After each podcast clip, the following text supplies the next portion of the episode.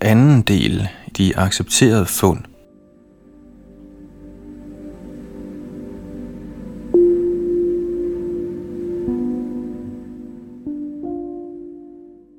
Ottende kapitel. Java-mennesket.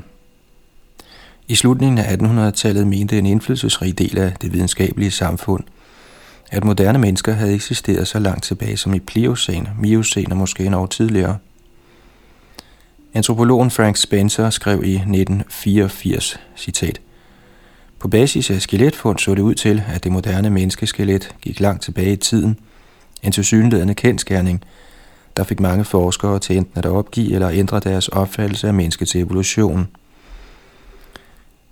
En sådan apostat eller frafalden var Alfred Russel Wallace, der levede fra 1823 til 1913, citat slut. Wallace deler sammen med Darwin æren for at have formuleret teorien om evolution gennem naturlig udvælgelse. I Darwins øjne begik Wallace kætteri af den værste slags. Men Spencer bemærkede, at Wallaces udfordring af den evolutionære doktrin, citat, mistede noget af sin kraft, såvel som nogle af sine tilhængere, da nyheden spredte som fundet af et bemærkelsesværdigt hominidefossil på Java, citat slut. I betragtning af, hvordan java-mennesket blev brugt til at miskreditere og undertrykke ideen om en høj alder for det moderne menneske, er det nærliggende at se på hele denne historie.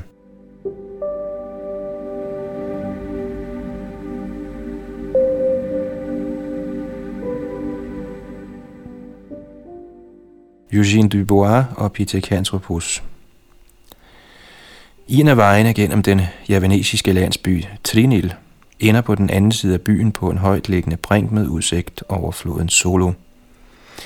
Her finder man et lille stenmonument, hvorpå en pil peger imod en sandgrav på den modsatte bred. Monumentet bærer en gådefuld inskription på tysk. PE 175 M ONO 1891-93 Inskriptionen angiver, at Pithecanthropus erectus blev fundet 170 meter øst-nordøst fra dette sted i årene 1891 til 1893. Pithecanthropus erectus' opdager var Eugène Dubois, der fødtes i Eisten, Holland i 1858, året før Darwin udgav arternes oprindelse. Selvom han var søn af fromme hollandske katolikker, blev han grebet af evolutionsteorien især i relation til menneskets oprindelse. Efter at have studeret medicin og naturhistorie på Amsterdams Universitet, blev Dubois lektor i anatomi på den kongelige normalskole i 1886, men hans virkelige kærlighed forblev evolutionsteorien –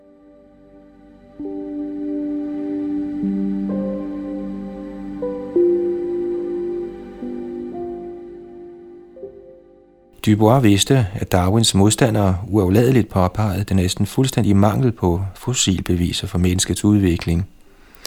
Han studerede omhyggeligt det dengang vigtigste tilgængelige fund, knoglerne af en neandertaler. De fleste eksperter, såsom Thomas Huxley, anså dette fossil for at være for tæt på den moderne type, til at være en ægte mellemform mellem fossile aber og moderne mennesker. Den tyske videnskabsmand Ernst Haeckel havde imidlertid forudsagt, at knoglerne fra en virkelig mellemform en dag ville blive fundet. Hækkel bestilte sågar et maleri af skabningen, som man kaldte Pithecanthropus, fra græsk Pitheko, som betyder abe, og Anthropos, der betyder menneske. Under indflydelse af Hækkel satte Dubois sig for en dag at finde abemenneskets knogler –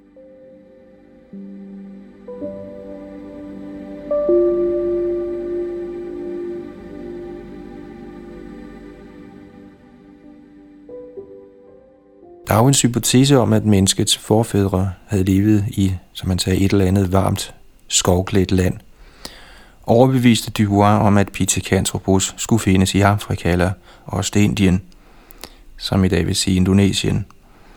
Fordi det var nemmere for ham at komme til Ostindien, der dengang var under hollandsk styre, besluttede han sig for at begynde sin efterforskning der. Han ansøgte først private filantroper og derefter regeringen om finansiering af en videnskabelig ekspedition, men fik afslag. Som en sidste mulighed lå sig ansætte som militærlæge på Sumatra. Han opgav sin bekvemme stilling som universitetslektor. Hans venner troede, han var gået fra forstanden, og i december 1887 sejlede han sammen med sin unge hustru til Ostindien på SS Princess Amalie.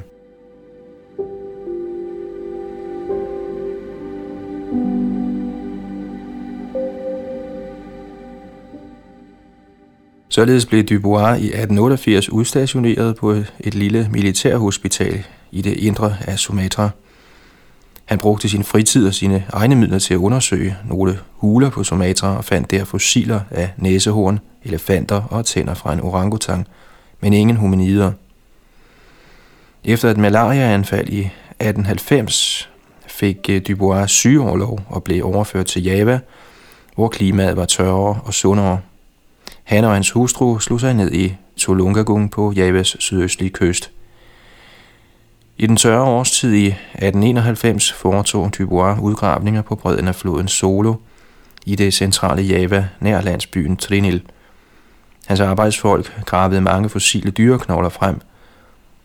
I september fandt de noget interessant. En primattand, til synligheden kindtand, nummer 3 i højre overkæbe, eller en visdomstand. Dubois mente, at hans arbejdere var faldet over resterne af en uddød kæmpe chimpanse, og gav dem ordre til at koncentrere sig om stedet, hvor tanden var fundet. I oktober fandt de, hvad der først lignede et skildpaddeskjold, men da Dubois undersøgte det, så han, at det i virkeligheden var den øverste del af et kranie. Hovedskallen var stærkt fossileret og havde samme farve som den vulkanske jord.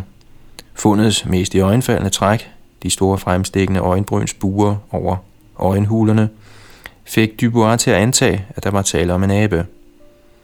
Regntiden satte en stopper for flere udgravninger det år. I en redegørelse i regeringens mine tidsskrift antydede Dubois ikke, at hans fossil stammede fra en overgangsform til mennesker.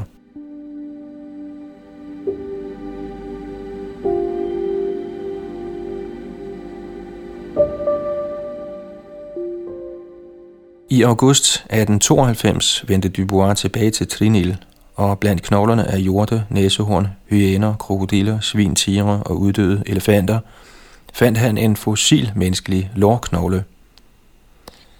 Denne lårknogle lå omkring 15 meter fra stedet, hvor hovedskallen og kindtanden blev fundet.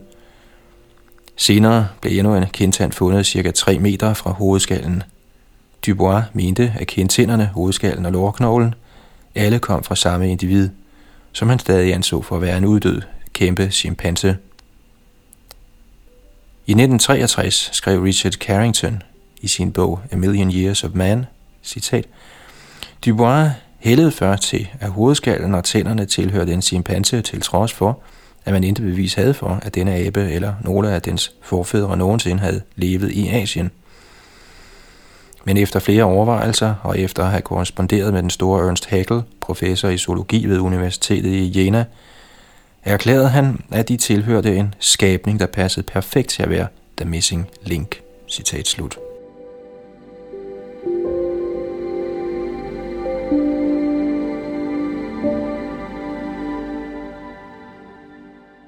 Vi har ikke kunnet opspore nogen korrespondence mellem Dubois og Hegel, men hvis sådan en dukkede op, ville den forøge vores viden betragteligt omkring omstændighederne ved Pithecanthropus erectus' fødsel. Det er indlysende, at både Dubois og Hegel – havde betydelig følelsesmæssig og intellektuel interesse i at finde et eksemplar af et abemenneske. Da Hegel hørte fra Dubois om hans fund, telegraferede han, citat, fra opfinderen af Pithecanthropus til hans lykkelige opdager, citat slut.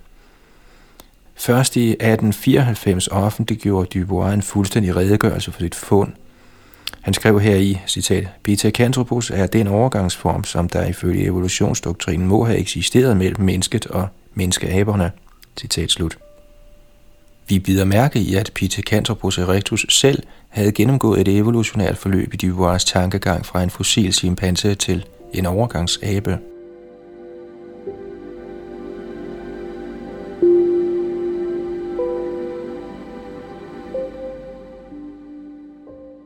Hvad andet end påvirkning fra Hegel kunne have fået Dubois til at slutte, at hans fund var en overgangsform mellem fossile aber og moderne mennesker.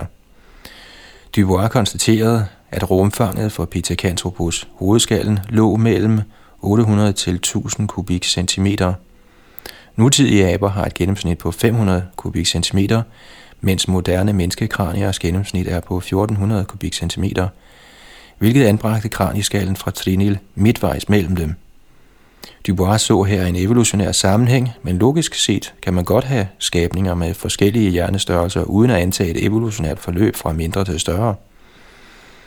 Faktisk var de fleste pattedyr fra Pleistocæn repræsenteret af arter, der er meget større end dem i dag. Således behøvede Pithecanthropus-skallen ikke at komme fra en overgangsabe, men blot fra en ualmindelig stor gibbonabe fra mellem Pleistocene, med en hovedskal, der er større end nutidige gibbonabers. Den dag i dag opregner antropologerne rutinemæssigt et evolutionært forløb af hominide kranier, der vokser i størrelse med tiden fra Australopithecus fra nedre Pleistocæn, først opdaget i 1924, til javamennesket, nu kendt som Homo erectus, til Homo sapiens sapiens fra øvre Pleistocæn. Men denne rækkefølge kan kun opretholdes ved at udelukke fund, der ellers ville bringe uorden i den. For eksempel er kastende dolokraniet, der omtales i kapitel 6, ældre end javamennesket, mennesket men har større hjernevolumen. Faktisk er det fuldstændig menneskeligt i størrelse og morfologi. En sådan undtagelse er nok til at gøre hele den foreslåede evolutionære rækkefølge usandsynlig.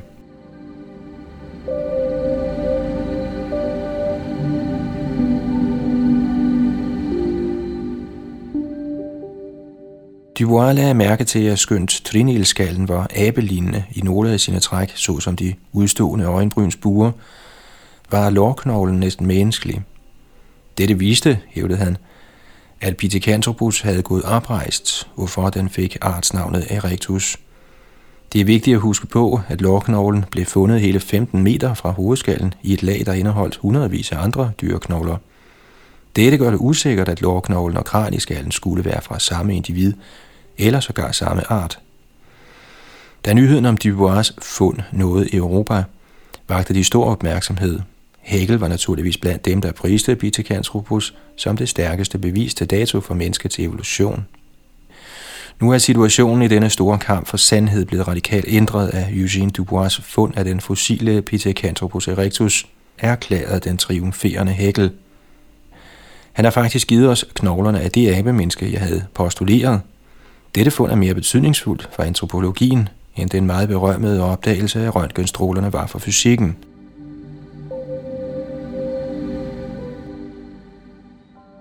Der er næsten religiøs overtoner af profetier og fuldbyrdelse i Hegels ord.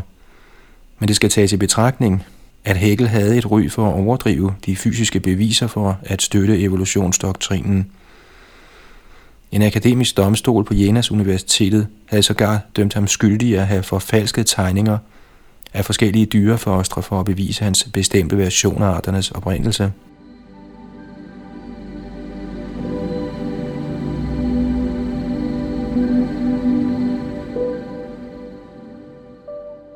I 1895 vendte Dubois tilbage til Europa for at udstille sin Pithecanthropus for det videnskabelige publikum – som han var sikker på ville beundre ham og støtte ham. Kort efter sin tilbagekomst præsenterede han sine fund og nogle afhandlinger over dem på den tredje internationale zoologiske kongres i Leiden i Holland. Men selvom nogle af kongressens deltagere, ligesom Hegel, ivrigt bakkede op om fundet som et fossilt abemenneske, mente andre, at det blot var en abe, og andre bestred, at knoglerne kom fra samme individ – Dubois udstillede sine elskede knogler i Paris, London og Berlin. I december 1895 samledes eksperter fra hele verden i Berlins Selskab for Antropologi, Etnologi og Forhistorie for at tage stilling til Dubois fund. Præsidenten for selskabet, Dr. Virchow, nægtede at lede mødet. I den efterfølgende polemikfyldte diskussion erklærede den svejtiske anatom Kollmann, at individet var en abe, Virchow selv mente, at lårknoglen var fuldstændig menneskelig og tilføjede, citat, Hovedskallen har en dyb struktur, en sammenstødslinje mellem to knogler, mellem øjenhulernes lave, vælving og øvre kanter. En sådan struktur finder man kun hos aber, ikke hos mennesker. Derfor må skallen tilhøre en abe.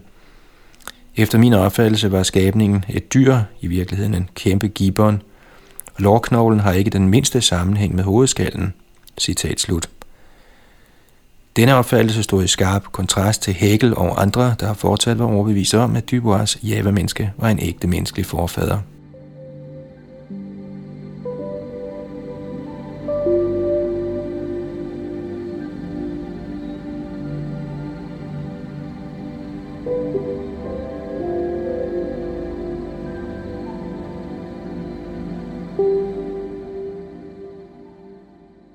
Selenka-ekspeditionen For at få svar på nogle af spørgsmålene omkring Pithecanthropus fossilerne og deres opdagelse, organiserede Emil Selenka, professor i zoologi ved Münchens Universitet, en omfattende ekspedition til Java, men døde før den kom afsted. Hans hustru, professor Lenore Selenka, overtog ledelsen af ekspeditionen og stod i årene 1907-1908 for udgravninger i Trinil med 75 arbejdere – i jagten på flere fossiler af Pithecanthropus erectus.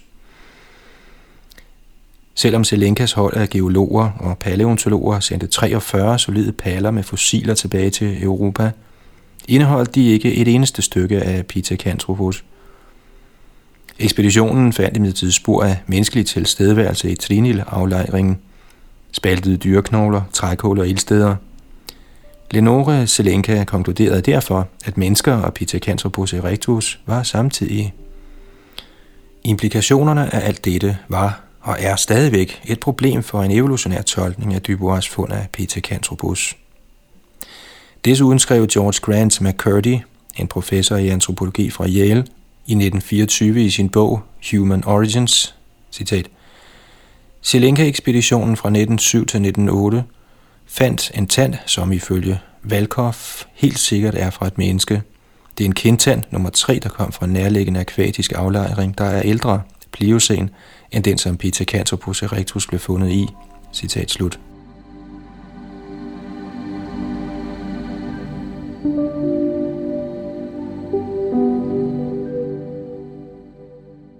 Dubois trækker sig fra kampen. Dubois abemenneske forblev kontroversielt.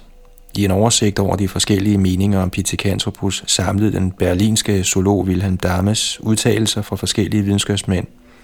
Tre forskere mente, at Pithecanthropus var en abe, fem mente, det var et menneske, seks, at det var et abemenneske, seks, at det var en mellemform, og to, at det var et led mellem den manglende mellemform og mennesket. Men mens mange videnskabsmænd fastholdt deres tvivl, fulgte andre Hegel og lovpriste Java-mennesket som et fantastisk bevis for Darwins teori. Nogle brugte Java-mennesket til at miskreditere beviserne for mennesker til at tage tiden. Som vi så det i 5. kapitel afviste W.H. Holmes funden af stenredskaber i de kaliforniske guldførende gruslag, fordi, citat, de antyder en menneskerace, der er ældre med mindst en halv gang i forhold til Dubois Pithecanthropus erectus – der kun kan anses for at være en begyndende form for menneskeskabning. Citat slut.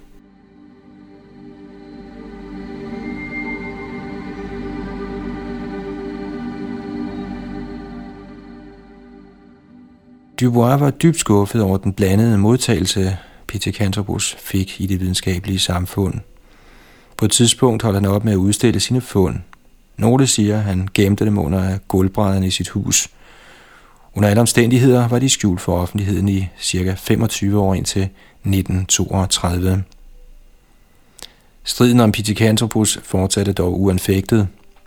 Marceline Buhl, direktør for Instituttet for Human Paleontologi i Paris, gjorde som andre videnskabsmænd opmærksom på, at det lag, hvor kraniskallen og lårknoglerne fra Pithecanthropus var fundet, indeholdt talrige fossile knogler af fisk, krybdyr og pattedyr. Hvorfor skulle man tro, at kranieskallen og lårknoglen kom fra samme individ, eller selv fra samme art? Buhl mente ligesom Virchow, at lårknoglen var identisk med et moderne menneskes, mens kranieskallen mindede om en abe, muligvis en stor gibbon. I 1941 skrev Dr. F. Weidenreich, direktør for Kanosorisk Forskningslaboratorium på Beijings Medicinske Universitet, at der ikke var nogen grund til at henføre lårknoglen og kranieskallen til samme individ – Lårknoglen var ifølge Weidenreich identisk med et moderne menneskes, og dens oprindelige position i aflejringen var ikke fastslået med sikkerhed. Moderne forskere har forsøgt sig med kemiske dateringsteknikker for at få fastslået, Hvorvidt den oprindelige kranieskal og lårknogle fra Pithecanthropus begge var samtidig med Trinils mellem pleistocene fauna, men uden resultat.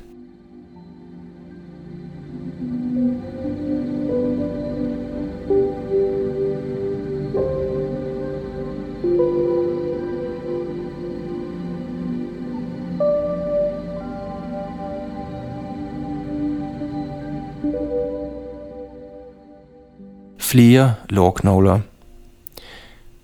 Hele spørgsmålet kompliceredes en del af en noget sen afsløring af, at der var fundet flere lårknogler. I 1932 opdagede Dr. Bernsen og Eugene Dubois tre lårknogler i en kasse med pattedyrknogler i Leidenmuseet i Holland. Kassen indeholdt fund, der skulle være udgravet i 1900 af Dubois' assistent, herr Krile, i de samme Trinil-aflejringer på Soloflodens venstre bred, hvor Dubois første fund af jabemennesket var gjort. Dr. Bernsen døde kort tid efter, uden at give yderligere information om enkelheden omkring denne museumsopdagelse. Dubois fortalte, at han ikke var til stede, da lårknoglerne blev gravet frem af Krile. Derfor havde han ikke kendskab til lårknoglernes nøjagtige placering i udgravningen, der var 75 meter lang og 6-14 meter bred. Ifølge gængse paleontologiske procedurer reducerer denne usikkerhed stærkt værdien af knoglerne, der i bund og grund ikke kan bruges som bevis for noget som helst. Ikke desto mindre henførte nogle eksperter senere disse lårknogler til en bestemt aflejring, uden at nævne de tvivlsomme omstændigheder ved deres fund i kasser med fossiler over 30 år efter, at de oprindeligt var gravet frem. I tilgift til de tre lårknogler, der var fundet af Krile, dukkede endnu to lårfragmenter op på Leiden-museet. Eksistensen af de ekstra lårknogler har vigtige implikationer for Dubois' oprindelige Pithecanthropus kranieskal og lårknogle fra 1890'erne. Den abelignende kranieskal og den menneskelignende lårknogle blev fundet langt fra hinanden, men Dubois henførte dem til samme individ. Hans hypotese var, at knoglerne blev fundet langt væk fra hinanden, fordi de var blevet sønderdelt af en krokodille – men med flere menneskelige lårknogler mister dette argument sin kraft. Hvor var de andre kranieskaller? Var de abelignende ligesom den, der blev fundet? Eller hvad med den fundne kranieskal? Tilhører den virkelig den lårknogle, der blev fundet 15 meter derfra? Tilhører den en af de andre lårknogler, der senere dukkede op? Eller hører den slet ikke til nogen af dem?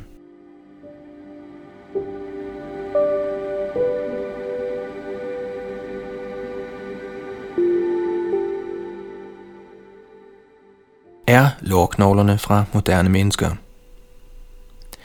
I 1973 konkluderede M.H. Day og T.I. Molson, at, citat, trinil lårknoglernes synlige anatomi, radiologiske eller røntgenanatomi og mikroskopiske anatomi adskiller dem ikke væsentligt fra moderne menneskelige lårknogler.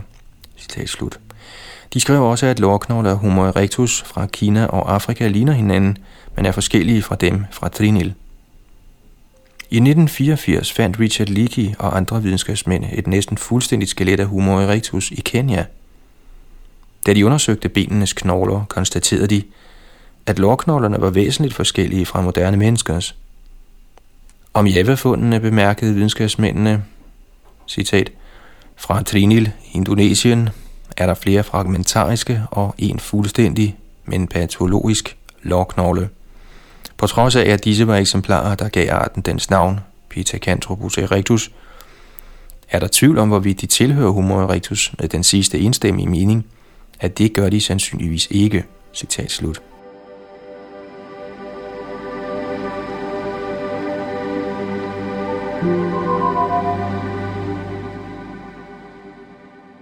Moderne forskere siger altså, at trinil-lårknoglerne ikke er Homo erectus, men identiske med moderne Homo sapiens. Hvad kan man slutte deraf? Lårknoglerne fra Java er normalt blevet set som bevis for et abemenneske, der levede for 800.000 år siden i mellempleistocæn.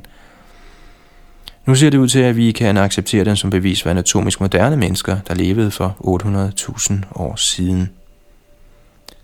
Nogle har ment, at lårknoglerne var faldet ned fra overliggende lag, men hvis de menneskelignende trinil lårknogler kom fra overliggende lag, hvorfor så ikke også Pithecanthropus kranieskallen? Det ville helt udelukke det oprindelige fund af javemennesket, der så længe er blevet givet som et sikkert bevis på menneskets evolution. Faktisk konkluderede Eugene Dubois i sine sidste år, at hans elskede Pithecanthropus kranieskal tilhørte en stor gibbon, en abe, som evolutionister ikke anser for tæt beslægtet med mennesker. Men nu var det tidligere så skeptiske videnskabelige samfund ikke parat til at sige farvel til Java-mennesket, der på dette tidspunkt var blevet en integreret del af Homo sapiens historie. Dubois afvisning blev affærdiget som gammelmands snak. Om noget ønskede det videnskabelige samfund at fjerne resterne af enhver tvivl om naturen og ægtheden af Java-mennesket, for at befæste hele ideen om den darwinistiske evolution, i hvilken menneskets udvikling var det mest omtalte og kontroversielle aspekt. Rundt om på verdens museer ser man stadig afstøbninger af kranieskallen og lårknoglen fra Trinil og for at vide, at de tilhører det samme Homo erectus individ fra mellempleistocæn. I 1984 samlede den meget omtalte udstilling Ancestors på Museum of Natural History i New York de vigtigste fossiler fra hele verden til belysning af menneskets udvikling, inklusiv i øjenfaldende afstøbninger af kranieskallen og lårknoglen fra Trinil.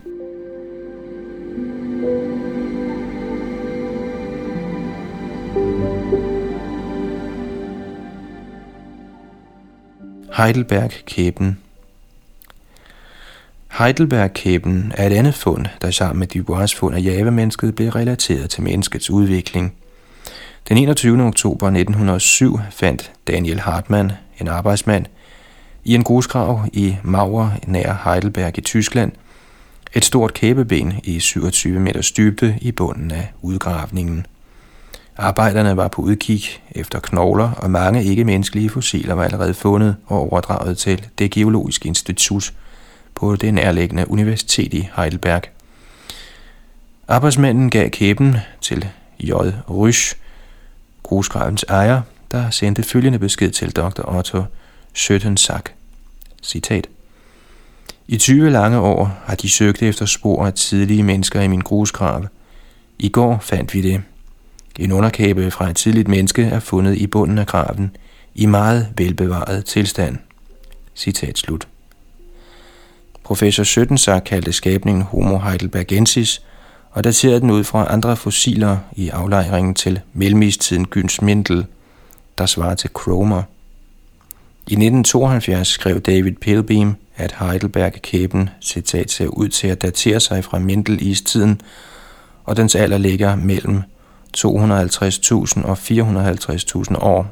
Citat slut.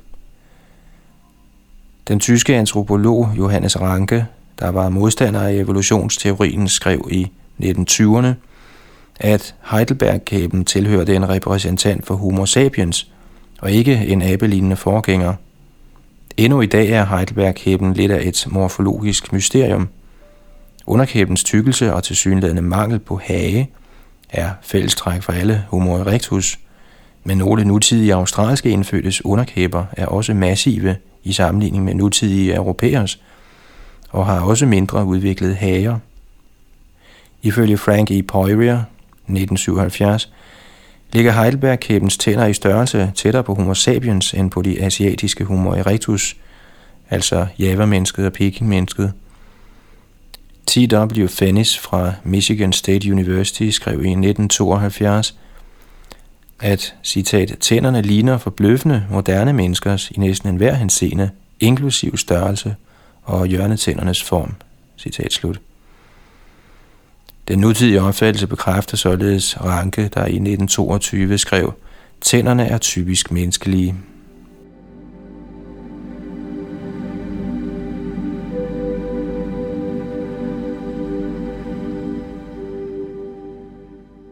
Et andet europæisk fossil, der normalt tilskrives Homo erectus, er nakkefragmentet fra Verde Sølles, en lokalitet fra mellempleistocæn i Ungarn – dette nakkefragment er endnu mere gådefuldt end Heidelberg-kæben.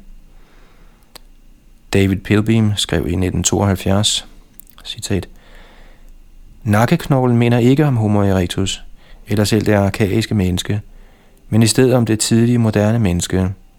Sådanne former dateres andre steder til intet ældre end 100.000 år. Citat slut. Pilbeam mente, at nakkeknoglen fra Vertesolus har samme alder som Heidelberg-kæben, mellem 250.000 og 450.000 år. Hvis nakkeknoglen fra Vertasøllus er moderne af form, er det med til at bekræfte ægtheden af to lige så gamle engelske skeletter af anatomisk moderne mennesker fra Ipswich og Galley Hill, som vi hørte om i 6. kapitel. For at vende tilbage til Heidelberg-kæben kan vi notere os, at omstændighederne omkring fundet var mindre end tilfredsstillende. Hvis en anatomisk moderne menneskekæbe var blevet fundet af en arbejdsmand i den samme grusgrav, ville den være blevet udsat for en nådesløs kritik og givet en yngre alder, for når det kom til stykket, var ingen videnskabsmand til stede i det øjeblik fundet blev gjort. Men da Heidelberg-kæben, om en ufuldkomment, passer ind i de udviklingsmæssige forventninger, accepteres den.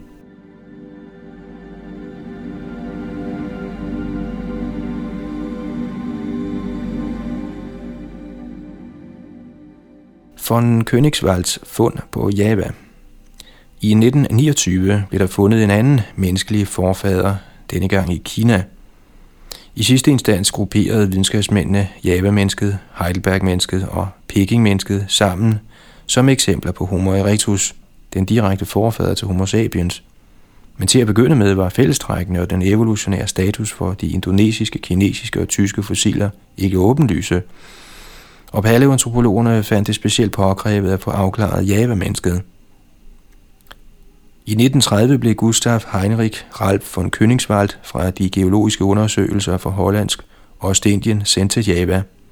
I sin bog Meeting Prehistoric Man skrev von Königswald, citat, På trods af fundet af Peking-mennesket, var det fortsat nødvendigt at finde endnu en Pithecanthropus, der var tilstrækkeligt fuldstændig til at godtgøre den menneskelige natur af dette omstridte fossil.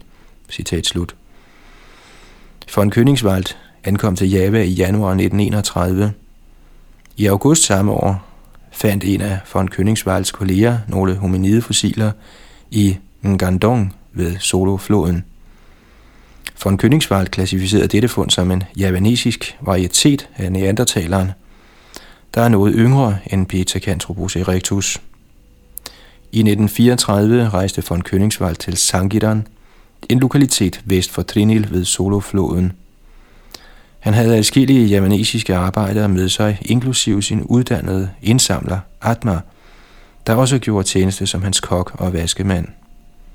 Von Königswald skrev, citat, Der var stor jubel og glæde i kampongen over vores ankomst. Mændene samlede alle de kæber og tænder, de kunne få fat på, og tilbød at sælge dem til os. Selv kvinderne og pigerne, der normalt er så tilbageholdende, tog del. Citat slut.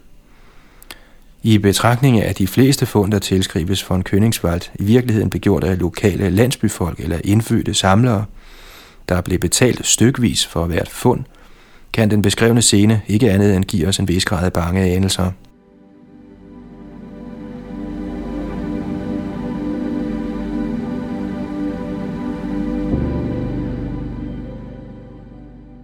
Sidst i 1935, midt under den verdensomspændende økonomiske depression, blev von Königswald afskediget fra Javas geologiske undersøgelser, men han lod ufortrøden sin tjener Atma og andre fortsatte med arbejdet i Sangidan og finansierede deres aktiviteter med private midler fra sin hustru og kolleger på Java.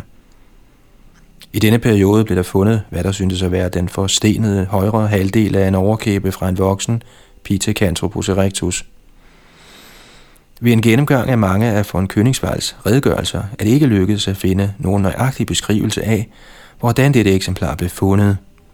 Men i 1975 kommenterede den britiske forsker K.P. Oakley og hans kolleger, at fossilet blev fundet i 1936 på overfladen af blotlagte søaflejringer øst for Kalijosu i det centrale Java af indsamlere, der var ansat af Königswald. Som alle overfladefund er kæbens alder usikker. Måske vil en antropolog her hævde, at da dette kæbefragment viser trækkene fra Homo erectus, som Pithecanthropus erectus nu kaldes, må det mindst være aflejret for flere hundrede tusind år siden, selvom det blev fundet på overfladen. Men hvad nu, hvis der i geologisk nyere tid eller til med i vore dage eksisterede en sjælden art af hominider, der har fysiske træk i stil med Homo erectus – der kan man ikke automatisk give en bestemt knogle en alder ud fra knoglens fysiske træk. I 11. kapitel ser vi på nogle observationer, der tyder på, at en skabning som Homo erectus har levet i nyere tid og måske endda lever i dag.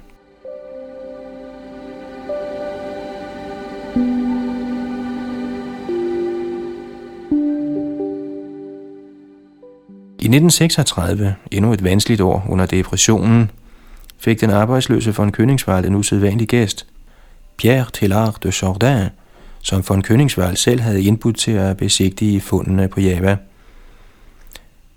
Tillard de Jordan, en verdenskendt arkeolog og jesuiterpræst, havde deltaget i udgravningerne af Peking-mennesket ved Sokodian. Under sit besøg på Java rådede Tillard de Jordan von Königswald til at skrive til John McMariam, præsident for The Carnegie Institution, eller Carnegie Stiftelsen. For en Königswald fulgte rådet og skrev til Miriam, at efter hans opfattelse ville han i nær fremtid gøre nye vigtige fund af Pithecanthropus. Miriam svarede imødekommende og indbydede for en Königswald til Philadelphia i marts 1937 som deltager i Symposium of Early Man, der blev sponsoreret af Carnegie Stiftelsen. Der mødte von Königswald mange af verdens ledende videnskabsmænd inden for studiet af menneskets forhistorie. Et af mødets centrale formål var at danne et forretningsudvalg, der skulle bestyre Carnegie-stiftelsens finansiering af palæantropologisk forskning.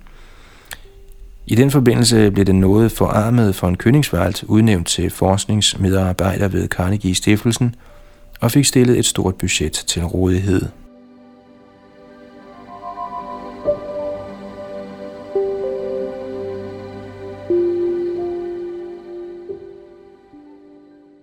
Carnegie-stiftelsens rolle.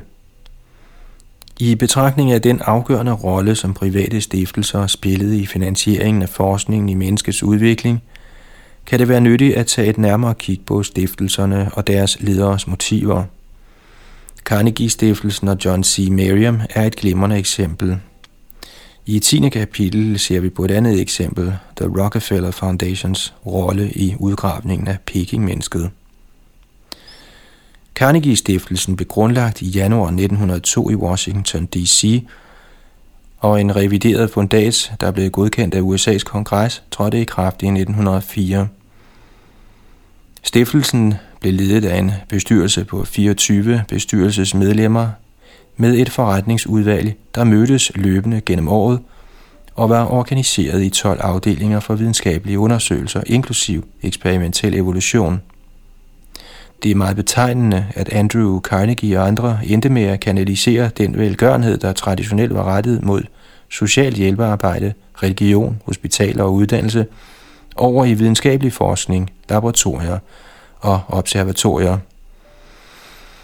Dette afspejlede den dominerende rolle, som naturvidenskaben, inklusive evolutionsteorien og dens syn på verden, mere og mere fik i samfundet – navnlig i tankegangen hos dets rigeste og mest indflydelsesrige medlemmer, blandt hvem mange så naturvidenskaben som det største håb for menneskets fremskridt.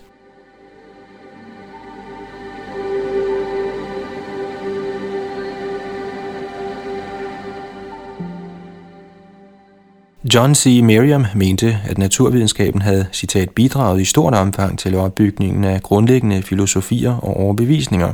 Citat slut og hans støtte til von Königswalds fossiljagts ekspeditioner på Java skal ses i denne sammenhæng. En stiftelse som Carnegie-stiftelsen havde midler til at bruge naturvidenskaberne som redskaber i sin påvirkning af filosofier og overbevisninger ved selektivt at finansiere bestemte forskningsområder og gøre resultaterne derfra offentligt tilgængelige. Antallet af sager, der kan forskes i, er uendeligt, skrev Miriam, men i hver tidsepoke må man vurdere, hvad det er for nogle områder, der mest vil gavne menneskeheden og udbrede viden om dem, skrev Miriam videre. Spørgsmålet om menneskets udvikling tilfredsstillede dette krav. Efter at have brugt en betragtelig del af mit liv på at støtte studier over livets historie, skrev Miriam, er jeg blevet grundigt optaget af den idé, at evolution eller ideen om fortsat vækst og udvikling udgør en af de vigtigste sandheder, der kan udvindes fra al viden.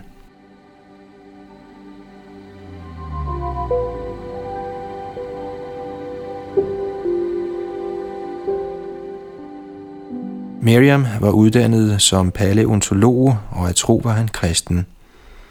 Men hans kristendom blev åbenlyst i baggrund i forhold til hans videnskab.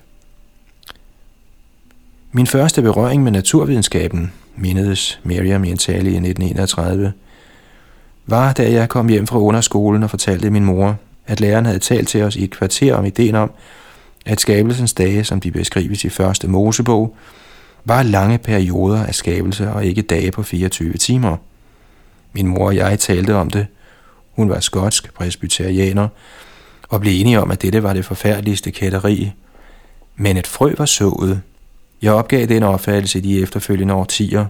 Jeg forstår nu, at naturvidenskabens elementer, så vidt skabelse angår, repræsenterer den ubesmittede og uforandrede optegnelse af, hvad skaberen gjorde.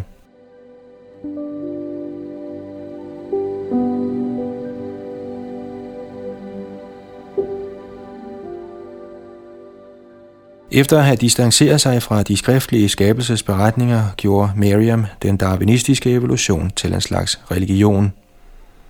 På et møde med præster på George Washington University i 1924 sagde Miriam om evolutionen, citat, Intet bidrager så meget til at opbygge vores liv i åndelig forstand som det, der får os til at se fremad mod fortsat vækst og fremskridt. Citat slut.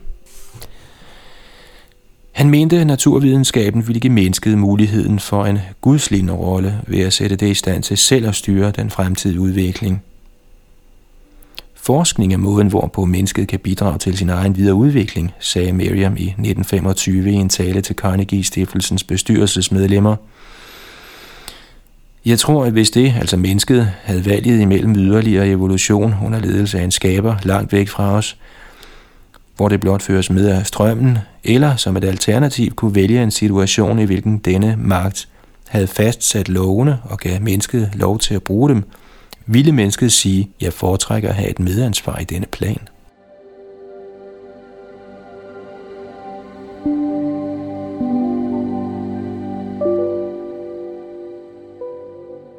Ifølge den gamle historie, fortsatte Miriam, blev mennesket drevet ud af Edens have for ikke at lære for meget. Det blev udstødt, så det kunne blive herre over sig selv. Et flammende svær blev anbragt ved Østporten, og det fik besked på at arbejde på at pløje jorden, indtil det ville komme til at kende værdien af sin styrke. Det lærer nu at pløje markerne omkring sig og forme sit liv i overensstemmelse med naturens love. En gang langt ude i fremtiden bliver der måske skrevet en bog, der fortæller, hvordan mennesket om sider kom til et stadie, hvor det vendte tilbage til haven, og i Østporten greb det flammende svær magtens symbol for at bære det til livets træ. Sagde altså Miriam.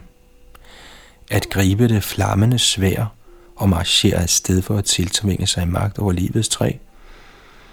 Kan vide, om der er plads til både Gud og et fremstormende videnskabeligt superpræstationsmenneske som Miriam i Edens have.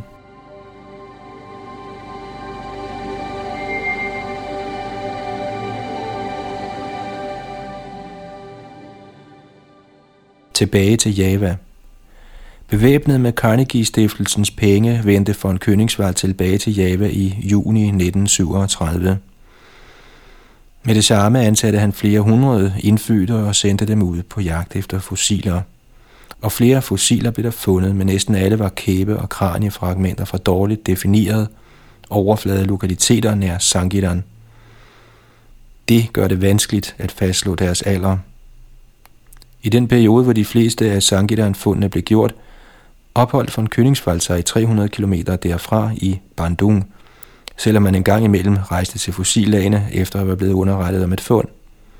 I efteråret 1937 indleverede en af von Königswalds samlere et tændingeben, der til synlædende tilhørte et tykt fossilt hominidekranie. Dette skulle være fundet nær bredden af floden Kali Chemoro, på det sted, hvor den bryder igennem Karbu-formationens sandsten ved Sangidan.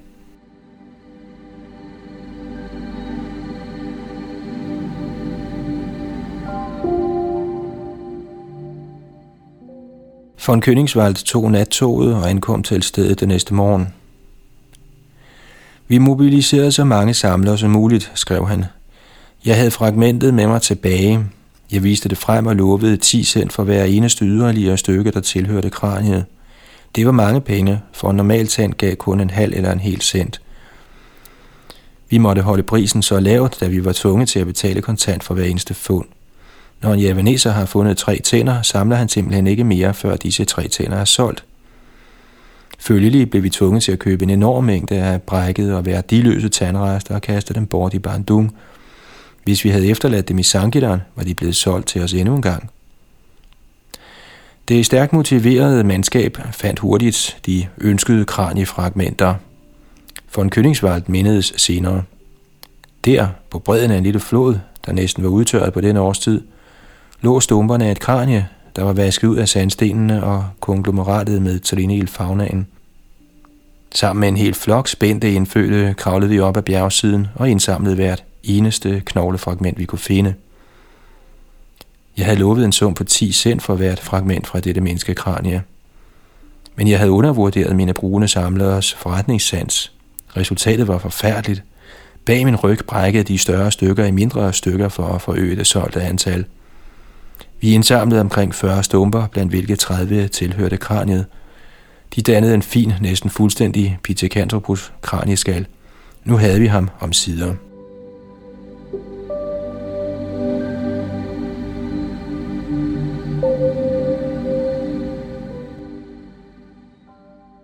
Hvordan vidste von Königswald, at stumperne, der blev fundet på overfladen af et bjerg, virkelig kom fra mellem Pleistocens Carbo-formation? Er det ikke en lige så sandsynlig mulighed, at de indfødte samlere havde fundet et kran i et andet sted og slået det i stykker, hvorefter de sendte et stykke til von Königswald og spredte resten ud på brødene af Kali Chiemoto? Von Königswald stykkede et kran i sammen fra de 30 stumper, han havde indsamlet. Han kaldte det Pithecanthropus 2 og sendte en forløbig redegørelse til Dubois. Kraniet var meget mere fuldstændigt end den oprindelige hovedskal, som Dubois havde fundet i Trinil. Von Königswald havde altid ment, at Dubois havde rekonstrueret sin Pithecanthropus hovedskal med for lav en profil, og mente, at de kraniefragmenter af Pithecanthropus, han netop havde fundet, mere tillod en fortolkning i retning af et menneske. Dubois, der på det tidspunkt blot så sin oprindelige Pithecanthropus som en fossil abe, var uenig med von Königswalds rekonstruktion og beskyldte ham offentligt for at have forfalsket den. Han trak senere sin anklage tilbage og bemærkede, at de fejl, han kunne se i von Königswalds rekonstruktion, sandsynligvis ikke var tilsigtede.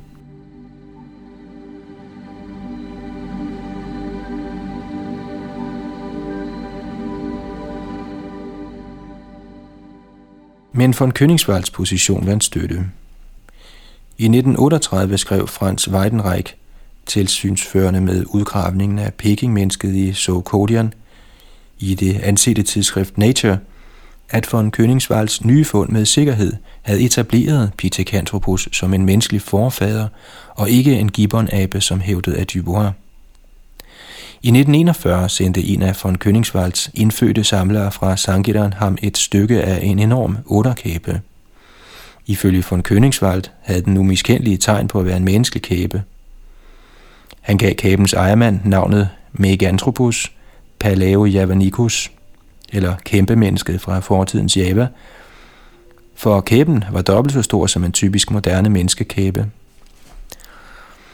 En omhyggelig gennemgang af de originale redegørelser har ikke kunnet afsløre det nøjagtige sted, hvor denne kæbe var fundet, eller hvem der fandt den.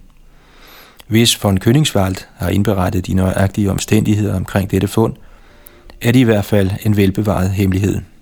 Han diskuterede med Kantropos i mindst tre afhandlinger, men i ingen af dem gav han nærmere detaljer om fossilets oprindelige lokalitet. Han skrev kun uden yderligere oplysninger, at det kom fra Puchangan-formationen. Derfor er alt, vi ved, at en ikke navngivet indsamler sendte et kæbestykke til von Königswald. Videnskabeligt set er det aller ukendt.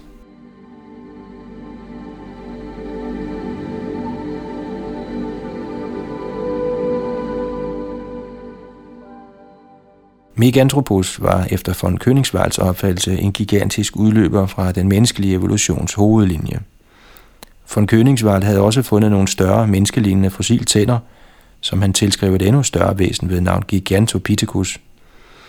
Ifølge von Königswald var Gigantopithecus en stor abe fra relativt nyere tid. Men efter at have undersøgt Meganthropus-kæben og Gigantopithecus-tænderne, kom Weidenreich med en anden teori. Han foreslog, at begge skabninger var direkte forfædre til mennesket. Ifølge Weidenreich udviklede Homo sapiens sig over Gigantopithecus fra Meganthropus og Pithecanthropus. Hver art var mindre end den næste. De fleste eksperter i dag anser imidlertid Gigantopithecus for at være en slags abe, der levede i nedre til mellempleistocæn, og ikke direkte i slægt med mennesker. Meganthropus-kæben regnes nu for at være meget mere i stil med javemennesket Homo erectus, end for en Königswald oprindeligt troede. I 1973 foreslog T. Jacob, at Meganthropus-fossilerne kan klassificeres som Australopithecus. Det er interessant, for ifølge den gængse opfattelse forlod Australopithecus aldrig sit afrikanske hjemland.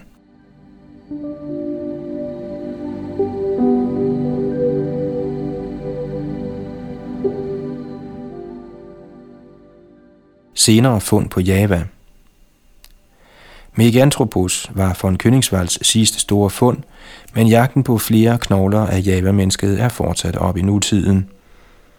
Disse senere fund, som man kender til gennem P. Marx, T. Jacobs, S. Sartono og andre, accepteres over en bred kam som bevis for Homo erectus i Javas nedre og mellempleistocæn. Ligesom for en Königswalds fund er disse fossiler næsten alle overfladefund, der er gjort af indfødte samlere eller bønder. For eksempel rapporterede T. Jacob, at da en indonesisk bonde i august 1963 arbejdede i marken i Sangiran-området, fandt han fragmenter af et fossilkranie. Da disse blev sat sammen, dannede de, hvad der lignede et kranie af Homo erectus. Skønt Jacob hævdede, at denne hovedskal var fra mellempleistocens karbu-formation angav han ikke den nøjagtige lokalitet, hvor fragmenterne blev fundet. Alt hvad vi virkelig ved er, at en bonde fandt nogle fossile kraniefragmenter, der højst sandsynligt lå på eller nær overfladen.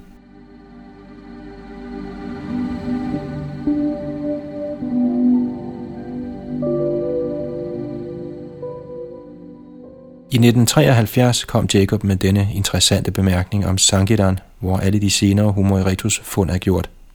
Citat. Lokaliteten ser stadig lovende ud, men frembyder nogle specielle problemer. Dette skyldes mest, at den bebos af folk, blandt hvem mange er samlere, der er trænet til at kende vigtige fossiler. De lidende samlere forsøger altid at få det meste ud af deres fund af fossile primater. I tilgift indberetter de nødvendigvis ikke fundstedets nøjagtige lokalitet, for ikke at miste en potentiel indkomstkilde – af og til sælger de ikke alle de fundne stykker ved den første handel, men forsøger at gemme nogle stykker, der kan sælges til en højere pris ved en senere lejlighed. Citat slut. Ikke desto mindre accepteres fossilerne fra Sangeran som hægte. Hvis afvigende gamle menneskefossiler blev fundet under lignende omstændigheder, ville de blive udsat for en nådesløs kritik.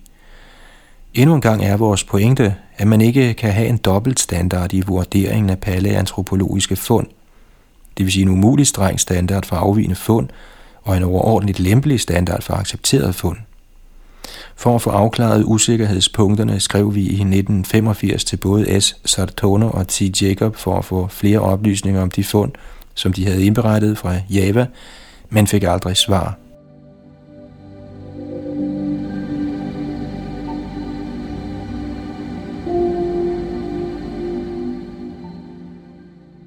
Kemisk og radiometrisk datering af Java-fundene. Vi skal nu se på kalium-argon-dateringen af de formationer, der indeholder hominide fossiler på Java, såvel som forsøg på at datere selve fossilerne med forskellige kemiske og radiometriske metoder. Trinils karboformation, hvor Dubois gjorde sine oprindelige fund af Java-mennesket, har en kalium-argon alder på 800.000 år. Andre javanesiske fund fra Putiangan-formationens Dietis-lag nær Mojokerto har ifølge T. Jacob en kalium-argon alder fra nedre pleistocæn på omkring 1,9 millioner år. Alderen på 1,9 millioner år er betydningsfuld af flere grunde. Som vi har set, der er mange Homo erectus fossiler, der tidligere blev kaldt Pithecanthropus og Meganthropus, blevet henført til Jetis aflejringerne – hvis disse fossiler gives en alder på 1,9 millioner år, gør det dem ældre end de ældste afrikanske fund af Homo erectus, der er omkring 1,6 millioner år gamle. Ifølge gængs opfattelse udviklede Homo erectus sig i Afrika og forlod ikke Afrika før for omkring 1 million år siden.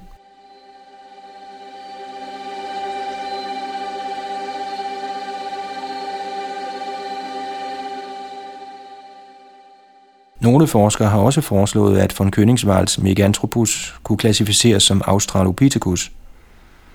Accepterer man dette, betyder det, at de javanesiske repræsentanter for Australopithecus var kommet fra Afrika tidligere end for 1,9 millioner år siden, eller at Australopithecus udviklede sig særskilt på Java. Begge hypoteser strider imod gængse opfattelser af menneskets udvikling. Man bør imidlertid have i mente, at kalium-argon-teknikken, der gav alderen på 1,9 millioner år, kan være usikker. T. Jacob og G. Curtis, der forsøgte at datere de fleste af de humanide lokaliteter på Java, fandt det vanskeligt at opnå fornuftige aldre for de fleste eksemplarer. Med andre ord fik de dateringer, der afveg sig voldsomt fra, hvad de forventede, at de så sig nødsaget til at henføre dem til forurening. I 1978 kom G.J. Bartstra med en kaliumargon alder på under 1 million år for Jetis aflejringerne.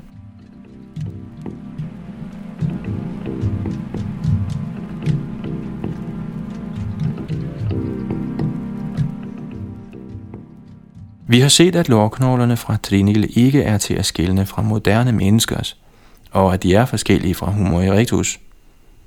Dette har fået nogle til at foreslå, at lårknoglerne fra Trinil ikke hører sammen med Pithecanthropus hovedskallen, og måske kom til Trinils nedre pleistocene knoglelag fra overliggende aflejringer.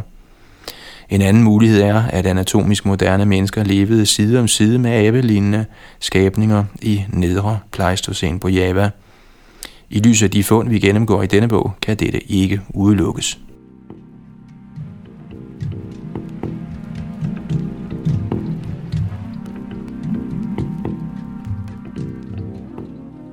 Fluorindholdet bruges ofte til at fastslå, om knogler fra samme lokalitet er af samme alder.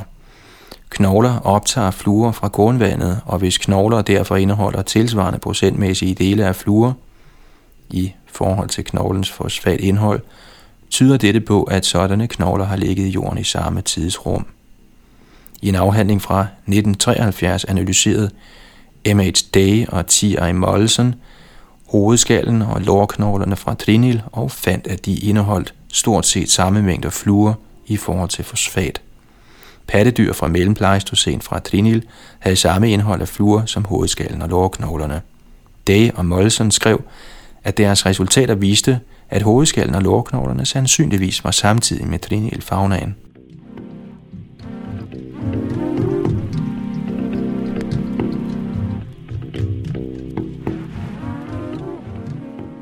Hvis lårknoglerne fra Trinil ikke er Homo erectus, men identiske med Homo sapiens sapiens, som Dea Mollesen hævdede, stemmer fluorindholdet i lårknoglerne med den opfattelse, at anatomisk moderne mennesker levede på Java i mellem Pleistocene for 800.000 år siden. Dea Mollesen foreslog, at knogler fra Holocæn, det vil sige det nuværende afsnit af Pleistocæn, fra Trini-lokaliteten, ligesom fossilerne af Java-mennesket, havde samme fluorindhold som dyreknogler fra mellemplejsocen, hvilket ville gøre fluortesten uanvendelig her. K.P. Oakley, ophavsmanden til fluortesten, gjorde opmærksom på, at fluoroptagelsen i vulkanske områder som Java er tilbøjelig til at være ret så uberegnelig og giver mulighed for, at knogler er vidt forskellige aldre får samme fluorindhold. Dette kunne ikke påvises direkte på Trine-lokaliteten, for kun aflejringerne fra mellempleistocen indeholder fossiler.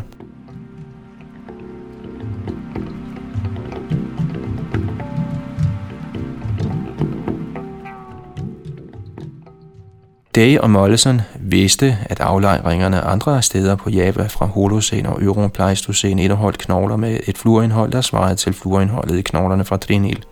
Men de indrømmede, at fluorindholdet af knoglerne fra andre lokaliteter, citat, ikke er direkte sammenlignelige, citat slut, med fluorindholdet i knoglerne fra Trinil-lokaliteten, fordi fluoroptagelsen afhænger af faktorer, der varierer fra lokalitet til lokalitet.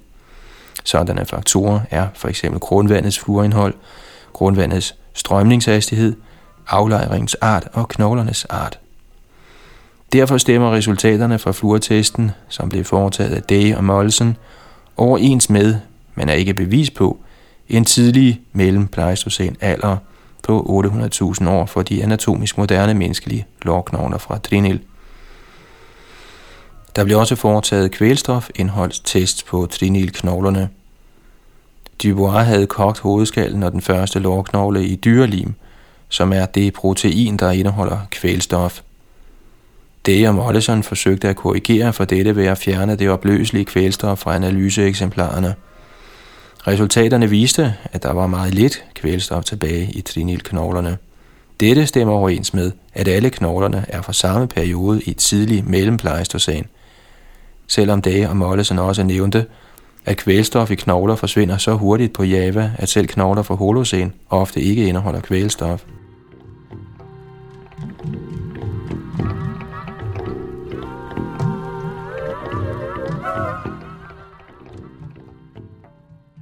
Vildledende fremstillinger af Java-fundene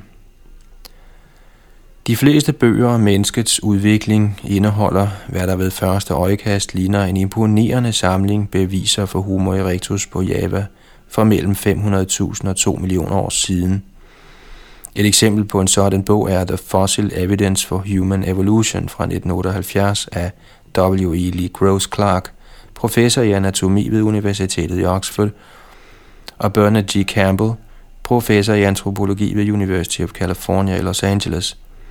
Deres bog indeholder en imponerende tavle over fund af Homo erectus.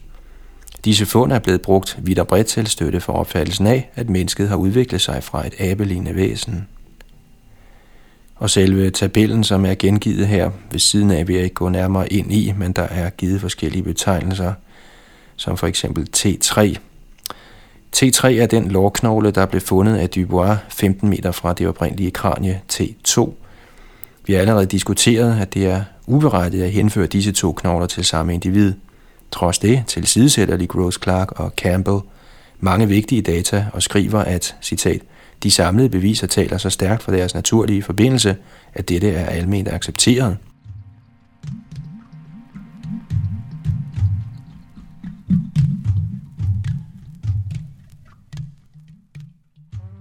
T6, T7, T8 og T9 er de lårknogler, der blev fundet i kasser i Holland over 30 år efter, at de blev gravet frem på Java.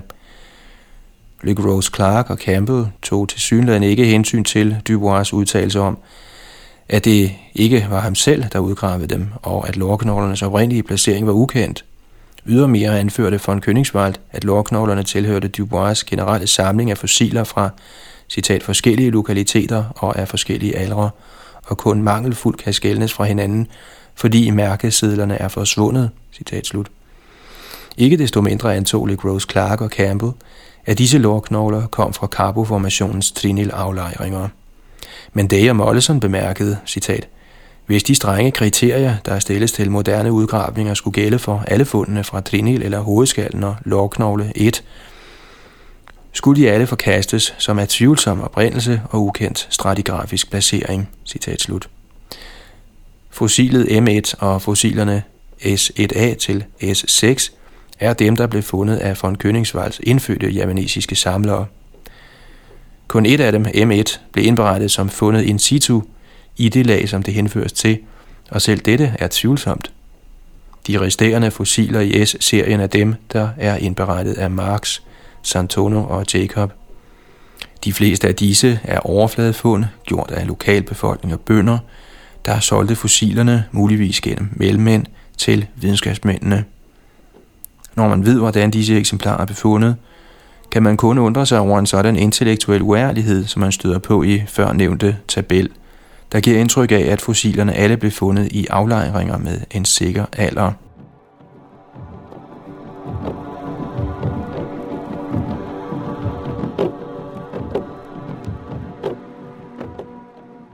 LaGrose Clark og Campbell gjorde opmærksom på, at de egentlige lokaliteter for mange af von Königswalds fund var ukendte.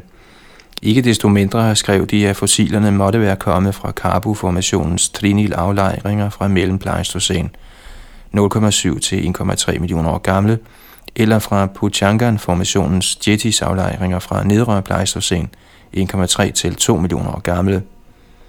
Alderne, som Lee Gross Clark og Campbell gav på basis af kalium-argon-datering, som ovenfor diskuteret, henviser kun til alderen på de vulkanske aflejringer og ikke til selve knoglerne. Kaliumargon-aldre giver kun mening, hvis knoglerne findes in situ i eller under lag af dateret vulkansk materiale. Men det store flertal af fossilerne i tabellen var overfladefund, hvilket gør deres tildelte kaliumargon-aldre meningsløse.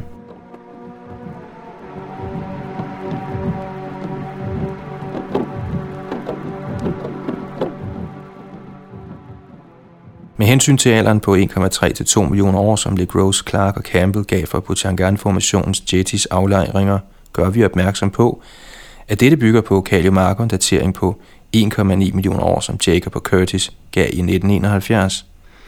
Men i 1978 gav Bystra en kalium-argon-alder på under en million år. Andre forskere har fremført, at Jetis og Trinil-aflejringernes fauner ligner hinanden og at knoglerne har samme fluorindhold.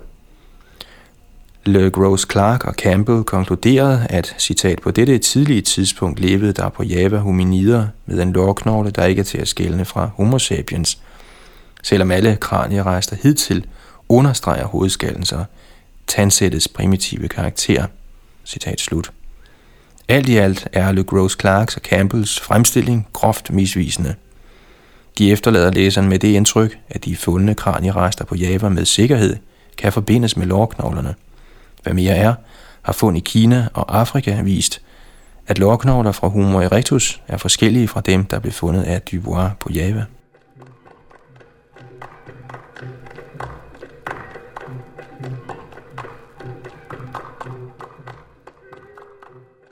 Strengt taget kan vi videnskabeligt set kun sige følgende om Javas hominide fossilfund. Hvad overfladefundene angår, er disse alle rester af kranier og tænder, hvis morfologi hovedsageligt er abelignende med enkelte menneskelignende træk. Fordi deres oprindelige stratigrafiske placering er ukendt, viser disse fossiler eksistensen på Java af et væsen med et hoved, der havde både abelignende og menneskelignende træk på et ukendt tidspunkt i fortiden. Den oprindelige Pithecanthropus hovedskal, T2 i tabellen og lårknogle T3 i den tabel, I altså ikke kan se, der blev indberettet af Dubois, blev fundet in situ, altså i dens oprindelige placering, og derfor er der her i det mindste grundlag for at sige, at de måske er så gamle som karboformationens trinil-aflejringer fra mellem Pleistocæn. De andre lårknoglers oprindelige placering er der ringe dokumentation for, men efter sine skulle de være udgravet fra samme trinil aflejring som T2 og T3. Under alle omstændigheder blev den oprindelige lårknogle T3, der er betegnet som fuldstændigt menneskelig, ikke fundet i tæt sammenhæng med den primitive hovedskal, og den har anatomiske træk, der gør den forskellig fra en Homo erectus lårknogle. Der er derfor ingen god grund til at forbinde hovedskallen med T3-lårknoglen eller nogle af de andre lårknogler, der alle beskrives som anatomisk identiske med moderne mennesker. Følgelig kan hovedskallen T2 og lårknoglen T3 siges at vise tilstedeværelsen af to slags hominider på Java i tidlig mellempleistocæn. Den ene med et abelignende hoved, og den anden med ben som anatomisk moderne mennesker. Hvis vi følger den almindelige praksis med at identificere en art på basis af delvise skeletrester, kan vi sige, at lårknoglerne T3 er bevis på tilstedeværelsen af Homo sapiens sapiens på Java for omkring 800.000 år siden. Op til nu kender man ingen anden skabning end Homo sapiens sapiens, hvis lårknogler svarer til den, der blev fundet i Javas trinil aflejringer fra mellem Pleistocene.